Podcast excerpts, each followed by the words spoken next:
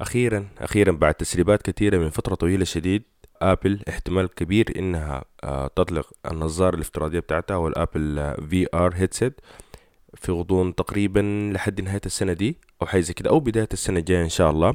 في نفس الوقت مين كان يتخيل إنه الهاتف سامسونج اللي هو الأفضل واحد اللي هو Samsung Galaxy S 22 Ultra هيواجه مشاكل يعني من بداية الإطلاق مباشرة وأخيرا في تسريب كامل لجميع السلسلة الجديدة من السامسونج جالاكسي A اللي هي تعتبر من أشهر الهواتف من سامسونج حاليا والأكثر مبيعا. خليكم معانا عشان تعرفوا أكتر.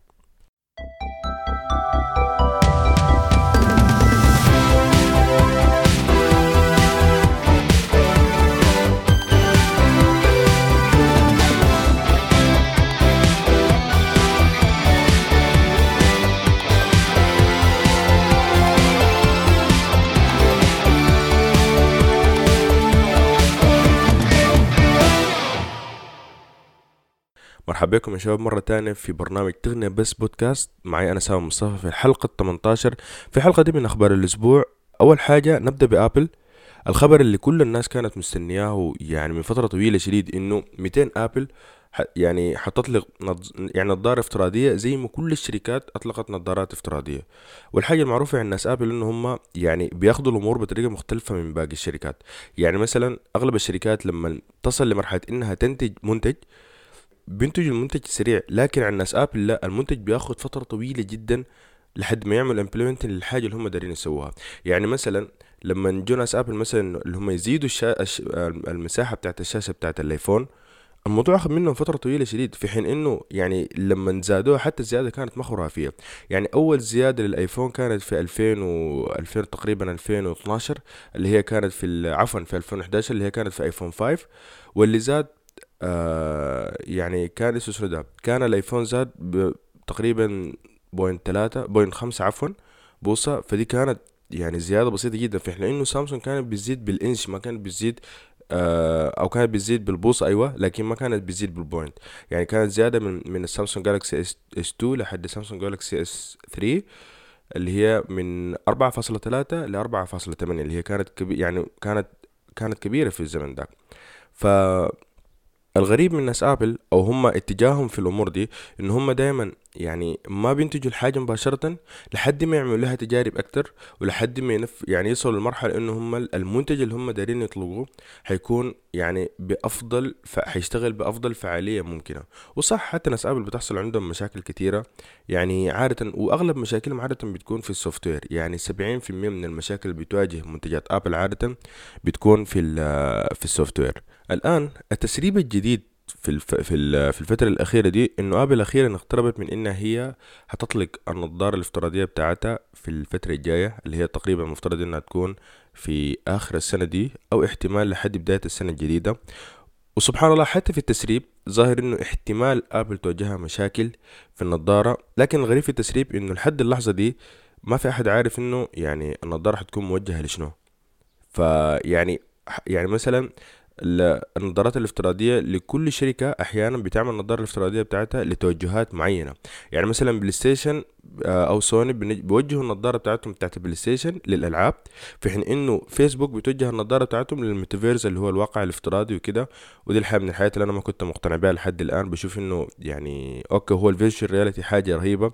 بس ما رهيب لدرجة إنه كل الناس تندمج فيه وكده. فإلى الآن ما معروف آبل هم مخططين إنه النظارة الافتراضية بتاعتهم تكون مهمتها شنو؟ أو حتتوجه على أي اتجاه أو حتسوي شنو بالتحديد.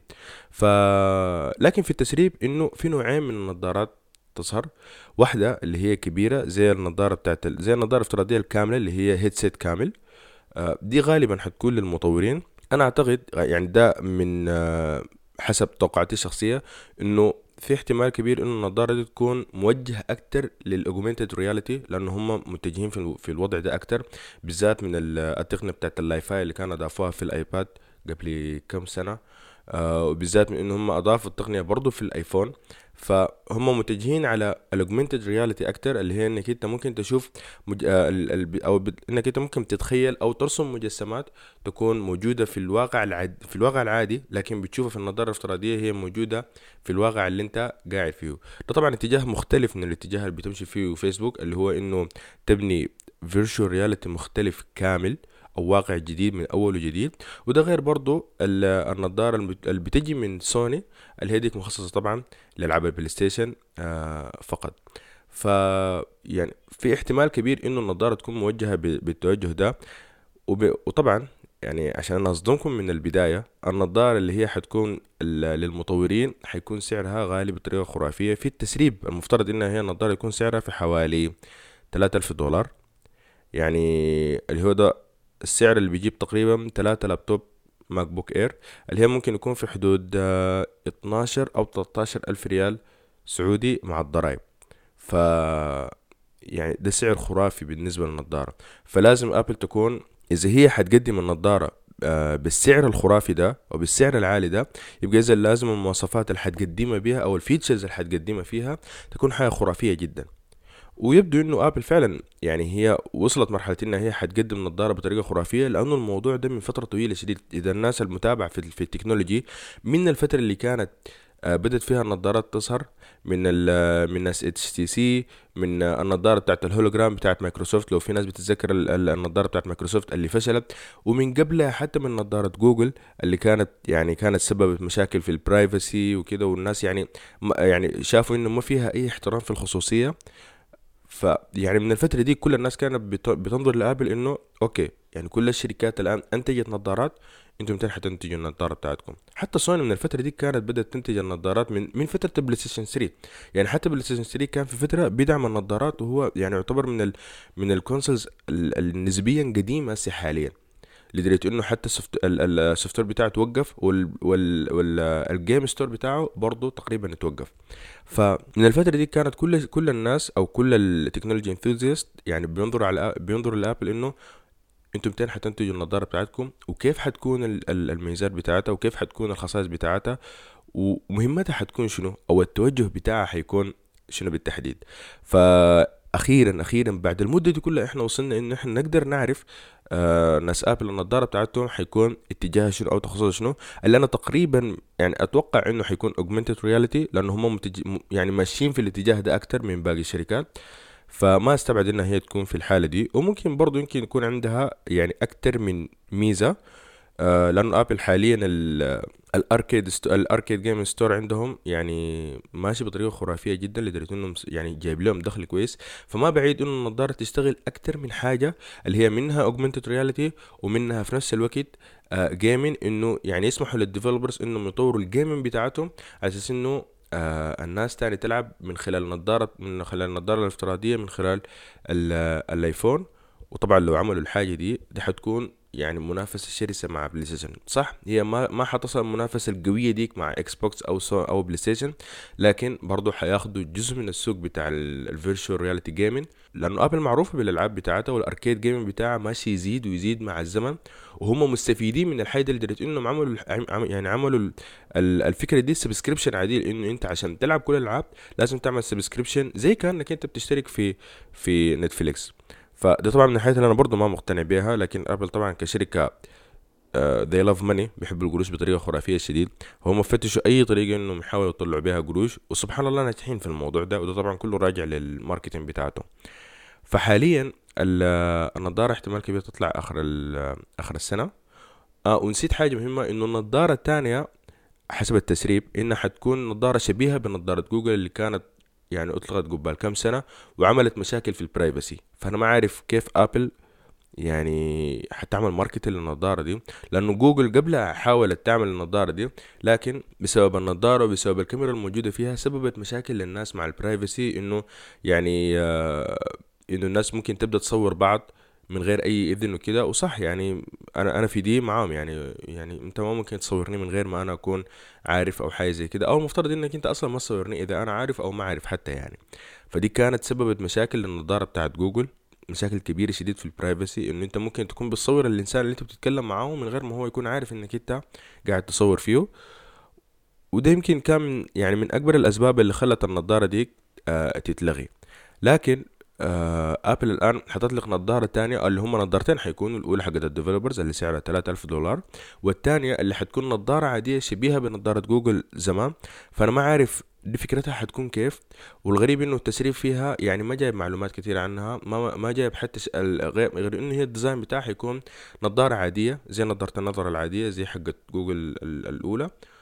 لكن ما في أي ما في أي شيء عن تسريب عن عن الخصائص بتاعتها أو عن المواصفات بتاعتها ولا حتى السعر بتاعها ما معروف. هو طبعا حيكون أرخص من النظارة بتاعت ال developers لكن بحكم الناس ابل أنا أتوقع إنه حيدوها سعر قريب ال 1500 دولار ما استبعد الحاجة دي. ف إحنا طبعا أنا حكون متابع الموضوع وحأديكم الأخبار آه يعني أول بأول لأنه دي حتكون حاجة من الحاجات الكبيرة اللي منتظرينها من آبل اللي هي النظارة الافتراضية والسيارة الكهربائية. ديل تقريبا أكبر منتجين يعني كل ال technology enthusiasts مستنين آبل إنه 200 حتطلقهم. فالتسريبات الحا... التسريبات الحاليه بتقول إنه النظارة احتمال تطلع آخر السنة وفي احتمال كبير إنه آه آبل تتعاون مع هيونداي على أساس انه هم آه يصمموا السيارة حقتهم الكهربائية الأولى. ده حيكون طبعا مجال جديد بالنسبة لهم. ده كان تسريب ظهر قبل شهرين تقريبا. الفترة دي كان ما كنت شغال حلقات ف يعني ما قدرت أتكلم عنه لكن ده كان تسريب ظهر وحتى ما تاكد يعني. دي كانت عبارة عن information leak لكن ما تأكدت ولا أي حاجة.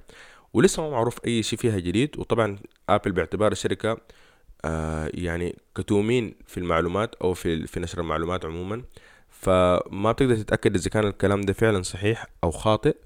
مع إنه أحيانا تسريباتهم يعني خمسين في المية بتطلع صح وخمسين في المية بتطلع غلط.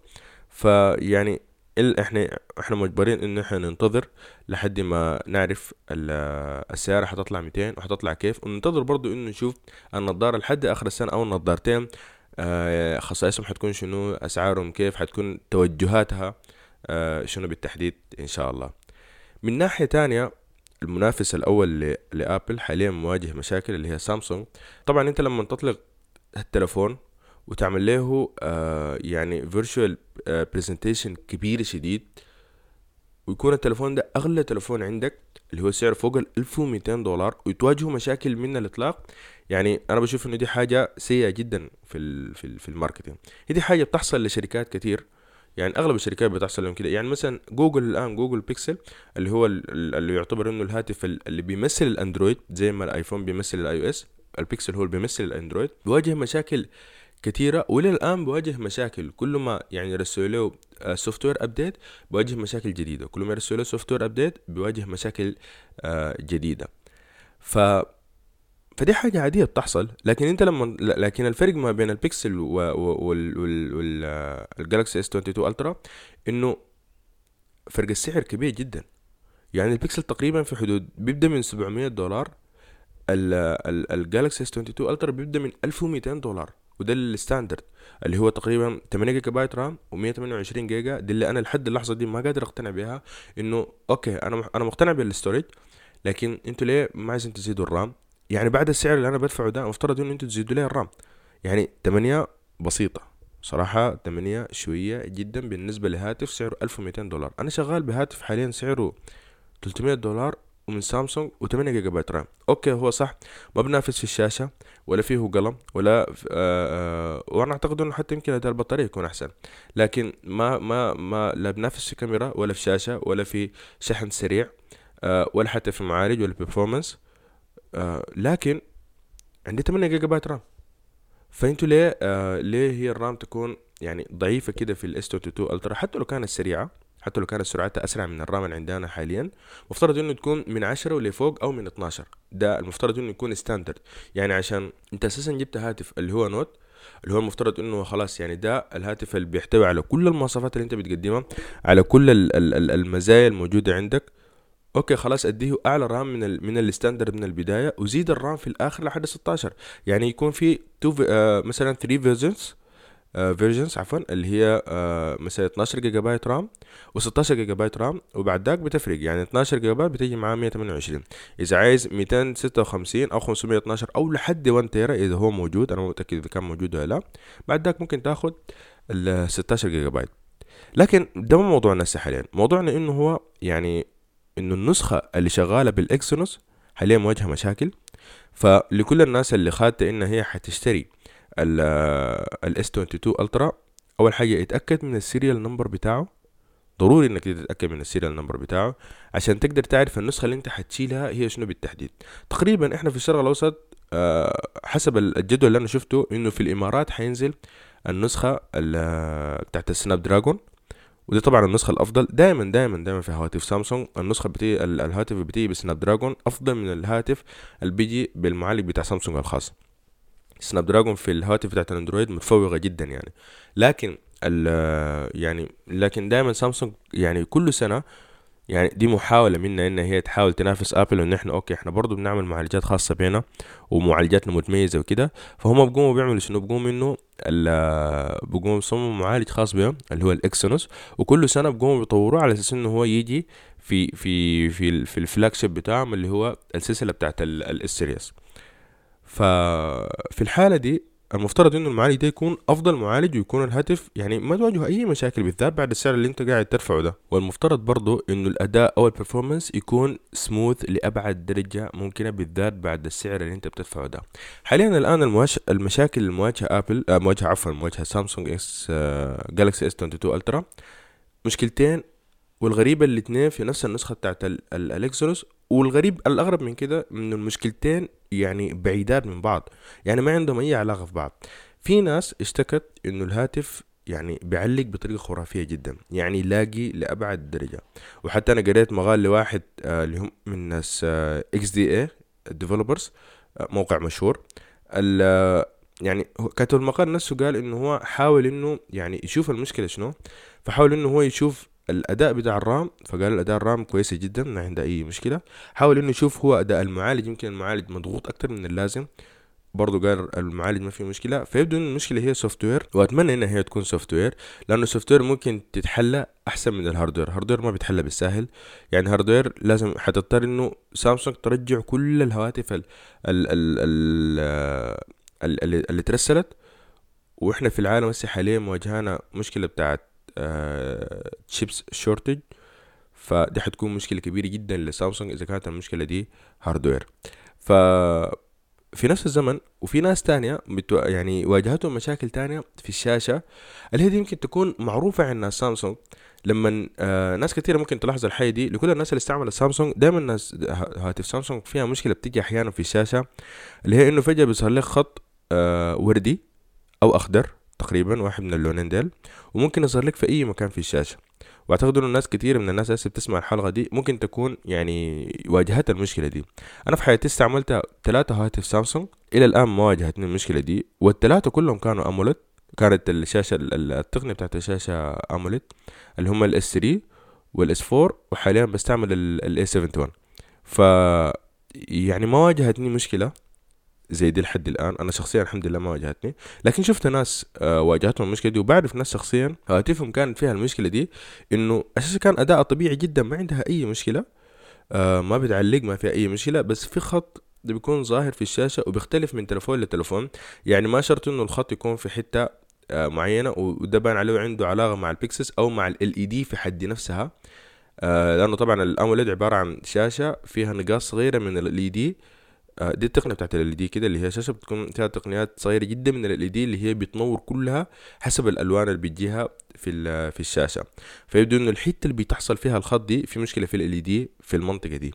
ف دي طبعا دي طبعا آه، مشكلة بتاعت hardware الآن المشكلة اللي مواجهة الناس إنه لما نيجي نشغل لما نيجي لل...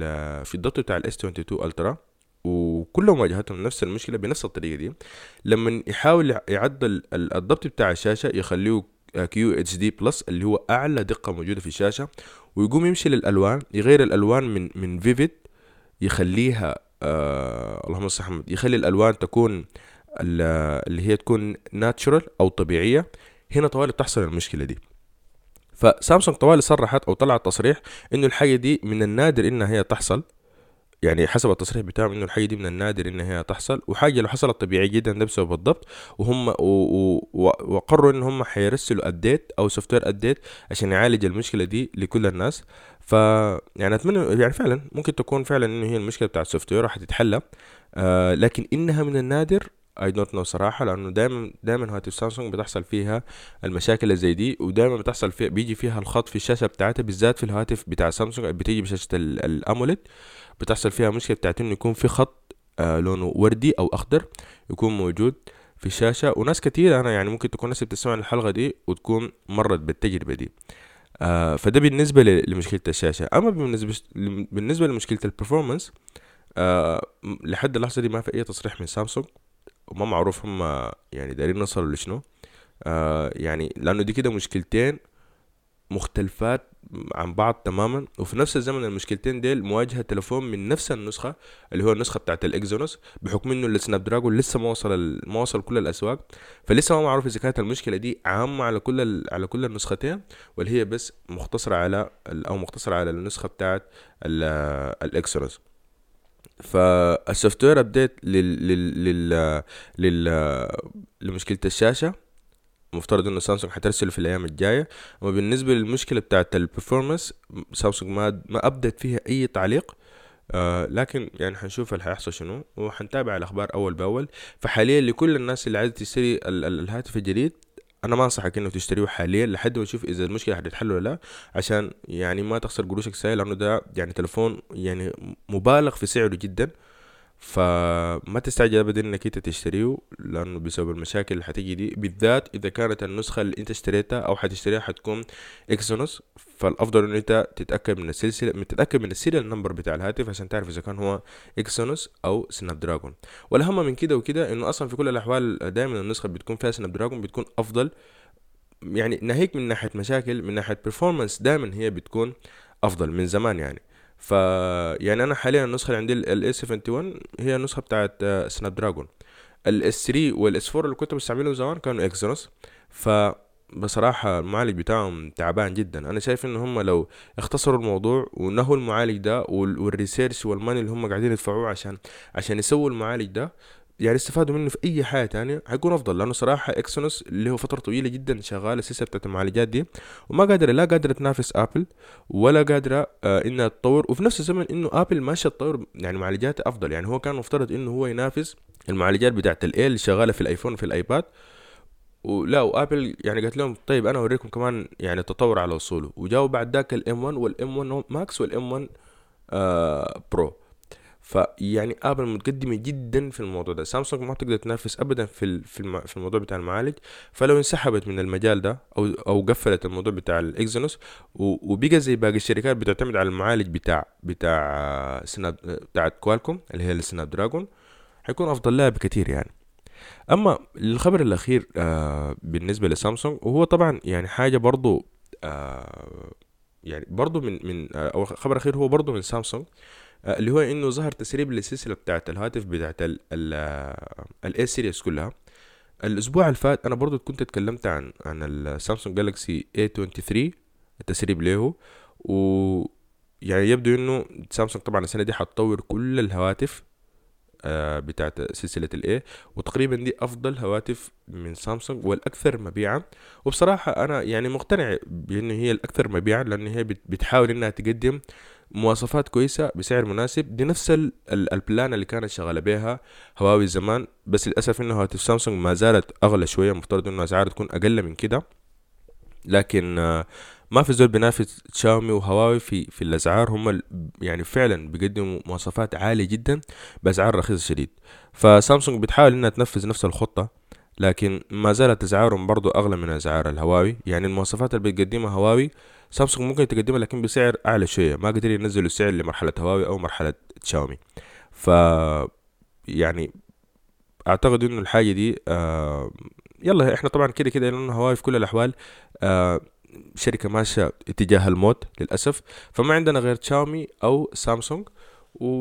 وأنا بشوف يعني إن هم الاثنين هواتفهم كويسة جدا بالذات السلسلة بتاعت ال A من من سامسونج فالاسبوع فالف... الفات كان التسريب عن ال A23 Ultra عفوا ال A23 التسريب المرة دي أول حاجة عن ال A73 اللي هو المفترض إنه هو حيجي بشاشة 6.7 full HD plus ما في تغيير في الشاشة لكن الميزة الجديدة المرة دي إنه حيكون ال refresh rate بتاعه 120 هرتز اللي دي حتكون أول مرة في السامسونج Galaxy A73 دي حاجة رهيبة جدا. آه، دي حاجة بترفع مستوى التليفون جدا بالذات بالنسبة للناس اللي بتحب تلعب. Okay؟ وأنت ما تشتري تليفون عالي ما تشتري تليفون بتاع gaming عالي شديد ممكن تشتري ال A73 عنده refresh rate 120 شاشته AMOLED 6.7 شاشة كبيرة جدا. أنا هسا شغال بالشاشة يعني هي نفس ميزات الشاشة اللي عندي لكن من غير ال ال من غير ال refresh rate العادي. فبصراحة هو رهيب جدا. حيجي بنفس المعالج بتاع فاتت 750G Snapdragon وحيجي بنفس الكاميرات الرباعية أربع كاميرات. لكن الفرق هنا إنه الكاميرا الأساسية من 64 حتكون آه ميجا بكسل حت حيرفعوها لحد 108 ميجا بكسل دي برضه أنا بشوفها حاجة plus آه دي كده أنت حتكسب شاشة أفضل وكاميرا أفضل. أما بالنسبة للبطارية حتكون 5000 اللي هو المستوى العادي. أما بالنسبة للشاحن فحيكون 25 آه وات يعني أنا شايف إنه ده تطوير مناسب ما بطال. هم كان لو كانوا زادوا المعالج يمكن كان يكون أحسن لكن أعتقد انه لو زادوا المعالج حيضطروا يزيدوا السعر. فده برضه باعتبار يعني زيادة ما بطال المعالج حيكون كويس لكن أنت تزيد ليه كمان الشاشة وتزيد ليه الأداء بتاع الكاميرا؟ ما قصرت دي حاجة كويسة جدا. بالنسبة للاي 53 اللي هو اللي هو تقريبا هو يعني يعتبر الهاتف الأفضل مبيعا عند سامسونج. يعني ال A53 هو أفضل واحد مبيعا عند سامسونج بسبب إنه هو بيقدم سعر أرخص من حتى من ال A73 لكن بمواصفات معقولة. فهو أكتر تلفون مبيعا عند سامسونج. آه المرة دي حيجي بمعالج Exynos. الله يعين اللي حيشتريه اللي هو Exynos 1200 شاشته حتيجي برضو 6.5 نفس الشاشة Full HD Plus وبرضو حيجي ب 120 هرتز دي حاجة كويسة جدا برضو. يعني كده آه بالنسبة للمعالج بقى Exynos لكن الشاشة بقت 120 هرتز الكاميرات الكاميرا. الكاميرا الخلفية حتكون رباعية كاميرات حتكون رباعية واحدة منهم 64 ميجا بكسل نفس القديمة. لكن البطارية حتكون 5000 فأنا بشوف إنه دي plus لل A53 لأنه أنت عندك هنا معالج أقل شوية وعندك شاشة أصغر شوية فده حيديك أداء أفضل في البطارية. صح ما حيكون أكتر؟ يمكن حيكون بفرق ساعة أو ساعة ونص من ال A73 لكن حيديك أداء أفضل. فأنت لو محتار بين الاثنين هناك عندك كاميرا أفضل ومعالج أفضل و... و... وشاشة يمكن تكون أكبر. هنا عندك شاشة أقل في المساحة بسيطة لكن ما حتحس بالفرق الكثير عندك كاميرا أقل معالج أقل لكن عندك بطارية أفضل. أنا والله بصراحة بشوف إنه تاخذ ال A73 أحسن يعني يعني اذا كان على فرق السعر أحسن ذاك لأنه الفرق تقريبا حيكون بالسعودي في حدود 300 ريال أو 200 ريال أو 350 ريال تقريبا. ف أنا بشوف إنه ذاك أفضل يعني إنك كده تدفع 350 ريال وتاخذ المواصفات ديك أحسن. صح البطارية حتكون أسوأ لكن دي ممكن تعالجها ب power bank والفرق كله حيكون يعني تقريبا ساعة أو ساعة ونص بالكثير يعني. بعد ذاك في ال A33 آه اللي هو برضو بيعتبر من هاتف ال Galaxy series المعروفة. شاشته حتكون أصغر شيء ستة فاصلة أربعة برضو Full HD Plus وبرضو AMOLED لكن للأسف ما عندها مية وعشرين هرتز refresh rate آه أنا مقتنع بالحاجة دي إنه ما عندها refresh rate لأنه يعني بالنسبة لسعر الهاتف والمكانة بتاعته ما أعتقد إنه حيجي فيه مية وعشرين هرتز لكن حيجي بمعالج MediaTek سبعمية وعشرين. أنا صراحة معالجات MediaTek ما مقتنع بها. أنا جربتها قبل كده في هاتف كان LG صراحة المعالج تعبان جدا معالج معالجاتهم دايما تعبانة يعني. بالنسبة للكاميرا حيكون عندك برضو رباعية 48 ميجا بكسل لكن البطارية حتكون أفضل هي برضها 5000 فهنا برضو حيديك battery life حتكون أطول من الاثنين الأوائل لأنه عندك معالج أقل شاشة أقل ما في refresh rate فيعني حيديك أفضلية في في العمر بتاع البطارية. وحيدعم الشاحن ال 15 واط والغريب إنه يعني بيجي بأندرويد 11 طيب ليه؟ يعني أنا ما أنا ما أنا ما شايف أي منطق في الموضوع إنه هو حيجي بأندرويد 11 يعني طيب يا أخي جيبه بأندرويد 12 يعني. يعني الفرق شنو؟ أنت كده كده حتحدث أصلا يعني. يعني كده كده حترسل ال update فأنت حتى لو هو يعني لو لو هم معتقدين إنه أنت إن إحنا حنديك هاتف بسعر أرخص لكن حنديك لي بأندرويد 11 ما فايدة ما فايدة من الحاجة دي. لأنك أنت كده كده حترسل ال update فالفرق شنو؟ إنك أنت ليه من الأول ما تديه بأندرويد 12 وتوكل على الله؟ أصلا كده كده الأندرويد مجاني يعني. ف يعني أديه بأندرويد 12 أو يعني اطلق التليفون بأندرويد 12 حيكون أفضل. من كده تطلقه يكون آه يكون بأندرويد 11 اللي هو حق السنة اللي فاتت. فيعني دي غريبة يعني. أنا صراحة من حياتي المست... اللي استغربت منها لما قريت المقاله عن ال... عن التليفون ده في حين إنه كل ال... ال... اللي قبله اللي هم ال 53 وال 73 هيجوا ب... ب... بأندرويد 12 وإنت كده كده حترسل ال update فأنا ما عارف سامسونج بتفكر كيف إلا إذا هم دارين يوفروا في في القروش يعني إنه ضمن إنه هو تلفون رخيص. الله أعلم يعني. فعندك بعد ذاك ال Galaxy A32 ده اللي حيجي 5G لكن الميزة في التليفون ده إنه هو حيديك السرعة بتاعت ال 5G لكن حيشيل منك ال refresh طبعا حيشيل منك ال resolution بتاع الشاشة ودي الحاجة الوحيدة اللي اللي ظهرت في التسريب في التلفون ده. ما في أي حاجة عنه تانية إنه هو حيديك شاشة مساحتها أقل وما حتكون حتى AMOLED وال resolution بتاعها برضه حيكون أقل وما فيها refresh rate ف يعني أنا ما أعرف أنا شايف إنه يعني أنت تديني ال 5 جي سرعة 5 جي لكن تشيل مني الميزات دي أنا بشوف إنه يعني الهاتف ده ما يعني ما مقنع. شخصيا أنا بالنسبة لي ما مقنع. أخير إنه أنا آخذ هاتف بمواصفات عالية لكن يكون 4G 4G ما زال سريع وما زال محترم جدا يعني في السرعة. واصلا كده كده إحنا عندنا ال 5G لسه ما انتشر في منطقتنا. فما مقتنع بالتلفون ده بالذات إنه هو حيكون 5G حيكون سعره غالي. أما آخر حاجة أما آخر شيء اللي هو ال A23 اللي أنا اتكلمت عنه المرة اللي فاتت اللي هو حيجي بشاشة 6.6 شاشة محترمة Full HD Plus ولكن حتكون اي بي اس ال سي دي ما حتكون AMOLED لكن ال refresh بتاعها ال refresh بتاعها حيكون 90 هرتز محترم صراحة حاجة محترمة جدا بالنسبة للسعر. آه المعالج حيكون MediaTek 700 تعبان للأسف أنا بشوفه تعبان. الكاميرا ما بطاله 50 ميجا بكسل وهم أربع كاميرات اللي هي خمسين وثمانية واثنين واثنين طبعا ثمانية لل ultra wide وال وال macro وال depth sensor الاثنين حيكون 2 ميجا بكسل. البطارية حتكون خمسة ألف دي حاجة رهيبة في التليفون ده لأنه كده عندك معالج برضو أقل وعندك شاشة آه، ما إل دي إل سي دي فحيديك برضو مدة أطول في البطارية. أما آخر حاجة أما آخر هاتف حيكون اللي هو ال A22 5G آه يعني أنا ما أعرف ال A22 ده حيكون مواصفاته شنو بالتحديد؟ برضه ما زال تسريب عنه. طبعا ال A23 فيه نسختين واحدة 5G وواحدة عادية. فبرضه في A22 5G وده أعتقد إنه حيكون برضه مواصفات أقل من ال A32 5G بس آه، ما في أي تسريب ما في أي معلومات في التسريب عن المواصفات بتاعته. حيكون أرخص. لكن أنا بشوف إنه أنت يعني تشتري تلفون أرخص عشان هو 5G آه يعني بصراحة ما موضوع مقنع. لأنه أنت ممكن تستغنى عن ال 5G وتشتغل بال 4 جي ال 4 جي ما زالت سرعتها رهيبة جدا يعني. فأنت ما محتاج إنك أنت تستغنى عن مواصفات ممكن تكون كويسة أو مهمة عشان بس تاخد ال 5G أنا ما مقتنع بالهواتف اللي بتيجي إنها هي بتكون بيرخصوا هم طبعا حيرخصوا السعر. وعشان ال equipment بتاعت ال 5G أو الانترنت بتاعت ال 5 جي الانتنه الموجودة في التليفون مكلفة بيزيدوا السعر لكن حينقصوا في المواصفات كتير عشان يقدروا يعادلوا السعر يعني يكون مناسب مع سعر الهواتف الباقية.